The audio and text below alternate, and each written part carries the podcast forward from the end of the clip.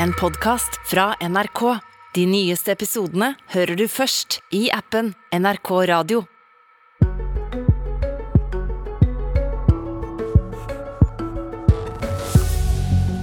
Navn, Berit Reiss-Andersen, alder, 67, stilling. advokat, leder av Den norske Nobelkomité. Hvordan påvirkes ferien din i år av pandemi og krig? Heldigvis er ferien min ikke veldig påvirket av pandemi og krig, men jeg har bestemt meg for at jeg iallfall ikke i løpet av juli reiser med fly. Jeg holder meg foreløpig i Norge. Flykaoset har vel en eller annen sammenheng både med pandemi og krig. Hvor var du 24. februar da Russland invaderte Ukraina? For meg var det en vanlig dag i Oslo på vei til jobb. For uh, ukrainerne må det, til tross for at de i lengre tid har levd i et anspent forhold til Russland, må det ha vært en sjokkartet dag uh, å se at russiske styrker tok seg over grensene deres. Hvordan har krigen påvirket deg? Jeg har gjort meg mer pessimistisk.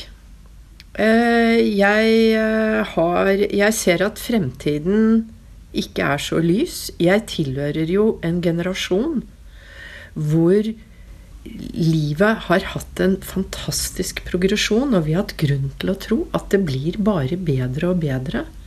Den troen er ikke like fast lenger. Jeg tror vi lever i en tid med mange kriser. Klimakrisen. Eh, sikkerhetspolitisk har Europa blitt snudd på hodet. Pandemien er jeg redd ikke er et engangstilfelle. Eh, økonomien eh, har bare mørke skyer på himmelen, kortsiktig. Jeg tror verden går inn i en Vi må inn igjen. Altså, jeg tror vi vil se en omstillingsprosess. Og dessverre må jeg si at tilværelsen blir nok ikke like sorgløs for mine barnebarn som den har vært for meg. NRK treffer Berit Reiss-Andersen på hennes kontor i Oslo, der hun jobber som advokat i firmaet Andenes Årløkken Veum, med dokumenter og notater spredt utover skrivebord og reol. Men det er som leder i Den norske Nobelkomité vi kjenner henne best, der hun står foran dobbeltdøren på Nobelinstituttet i Oslo hvert år i oktober og forteller hvem vinneren av årets Nobels fredspris er og hvorfor. Hvert ord overført til store deler av verden på direkten. I dette intervjuet kaller Reiss-Andersen den norske livsstilen før pandemien for i overkant breial, og konstaterer at det blir svært vanskelig for Vesten å gjenoppta et samarbeid med Russland så lenge Vladimir Putin er president i landet. Har krigen påvirket ditt syn på internasjonalt samarbeid? Grunnleggende har det ikke det. Men eh, internasjonalt samarbeid er i en krise. Det er ikke til å komme forbi. Og så er det ikke bare krigen som er årsak til Altså, eh, det har vært krig og konflikt eh, vedvarende i verden de siste årene. Krigen i Ukraina har endret vilkårene for Europa dramatisk. Og for våre allierte. Og eh, krigen har jo den konsekvens at jeg tror europeisk eh, deltakelse i sin egen militære sikkerhet, og at Europa i større grad må bære kostnadene eh, ved sin egen militære sikkerhet, definitivt blir en konsekvens. Men det har ikke svekket min tro på betydningen av internasjonalt samarbeid. For det mener jeg er et eh, vilkår for en fredelig sameksistens. Og jeg tror det er et vilkår for en eh, utjevningspolitikk og en byrdefordeling i verden. I fjor så vant den russiske redaktøren Dmitrij Muratov og den filippinske journalisten Marisa Reza Nobels fredspris for kampen for ytringsfrihet. Og 21.6 ble hans 23 karat Nobel gullmedalje solgt på auksjon i New York for i overkant av 1 milliard norske kroner. Du delte ut medaljen til ham under seremonien i Oslo. Hvor viktig mener du da at Muratos markering av motstanden mot krigen for hvordan vi i Vesten oppfatter Russland og russere akkurat nå? Problemet er jo at det er få, få russiske stemmer eh, som er kritiske til det sittende regimet. Muratov er en av dem. Det at han er nobelprisvinner, gir ham selvfølgelig en plattform og en synlighet som han ikke ville ha hatt ellers.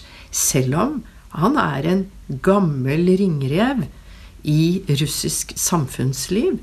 Han har jo vært kritisert for å ha for nære bånd til Putin. Eh, det, jeg, eh, det ser ikke jeg grunnlag for den kritikken.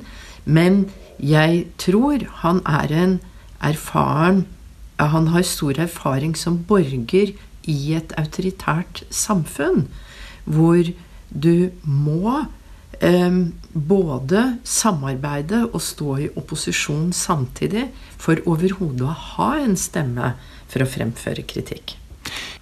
Hvilken signaleffekt har det at Muratov donerer sin Nobelgullmedalje til auksjon for å hjelpe ukrainske barn på flukt? Det er klart det har en eh, stor symbolsk effekt. Det ble jo lagt merke til over hele verden. Og det er en eh, elegant protest gjennomført av en verdig fredsprisvinner. På hvilken måte opplever du at Norge er i endring etter 24. februar? Vi er um, i endring på den måten at uh, vi går inn i en økonomisk uh, krise som nok uh, i stor grad er forårsaket av denne krigen. Det er nok en del andre faktorer også, men hele klodens system med vareleveranser, matdistribusjon, olje- og gassleveranser har jo blitt påvirket av denne krigen. Men vi må også ta med den endringen som har kommet, som har endret vår mentalitet etter covid og to år med nedstengning. Vi har plutselig blitt et veldig lydig folk. Veldig autoritetstro. Vi etterkommer eh, pålegg fra myndigheter som griper langt inn i vårt privatliv på en måte som var helt utenkelig.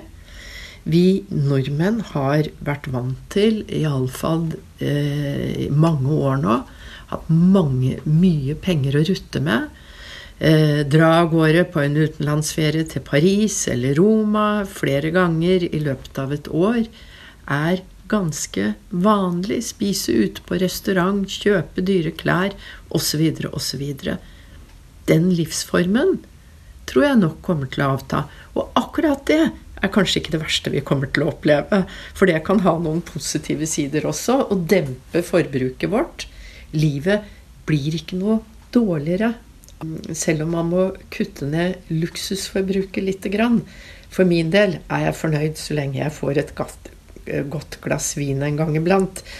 Og noen bøker. Resten kan, eh, er det ikke så farlig med. Så krisene kan føre til noe også noe godt? Ja, for det er jo ikke alt ved den norske livsstilen hvor vi syns vi hadde Hvor vi var kanskje litt breiale. Eh, forbrukte mye kjøpte mer og mer. Det var jo ikke alt som var sympatisk ved den livsstilen. Og det er en kritikk som i like stor grad er rettet mot meg selv som mot andre. Det vil jeg understreke. Hvordan vurderer du da vilkårene for fredsarbeid og forsoning nå, ut fra den situasjonen som du har beskrevet? I en pågående krig, hvis du nå snakker om Europa, så er det klart at det er dårlige vekstvilkår for eh, forsoning og fredsarbeid. Men man sier jo at enhver krig og konflikt har én utvei, og det er fred. Det er bare et spørsmål om hvor lang tid det tar. Slik det ser ut nå, så mener flere eksperter at det fortsatt kan være krig i Ukraina når du og Nobelkomiteen offentliggjør vinneren av årets Nobels fredspris i oktober. Hvilken rolle kan årets utdeling få i denne sammenhengen?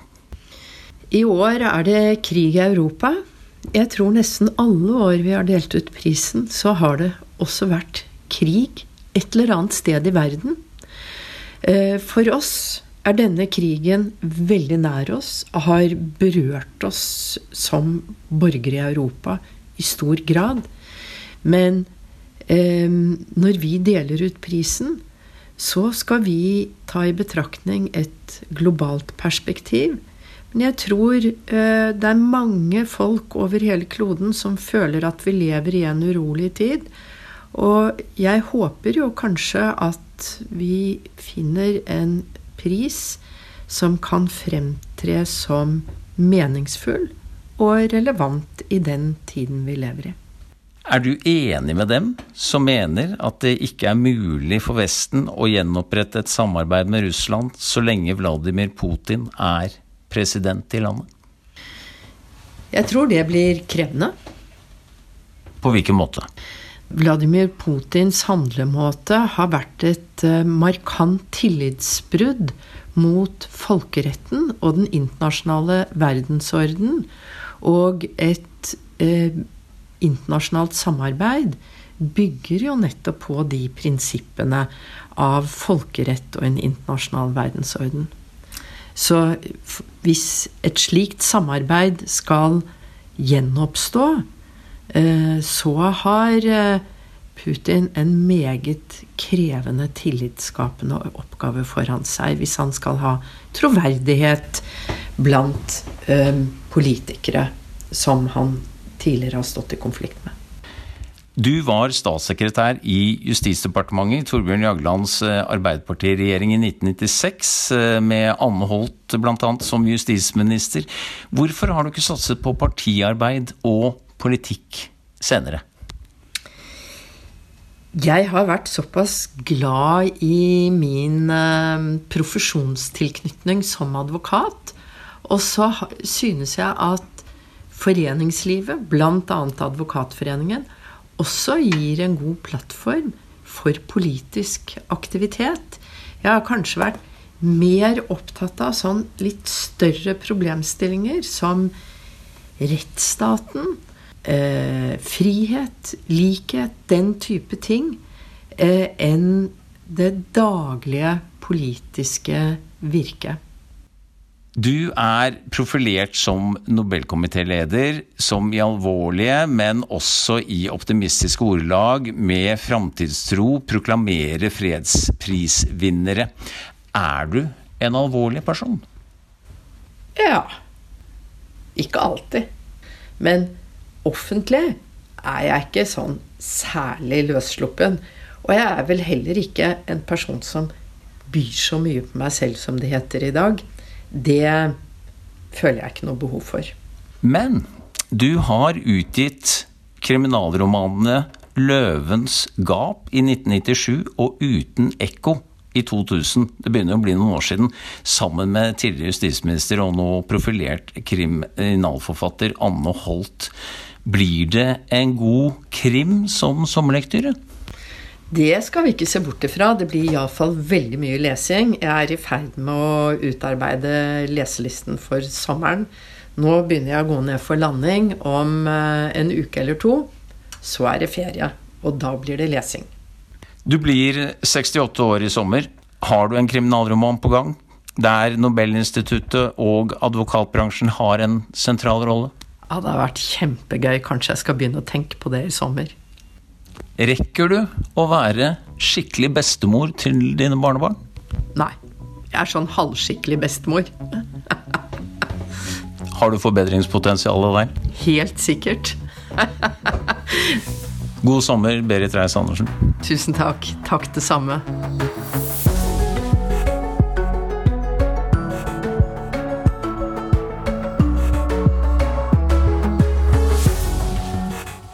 En podkast fra NRK.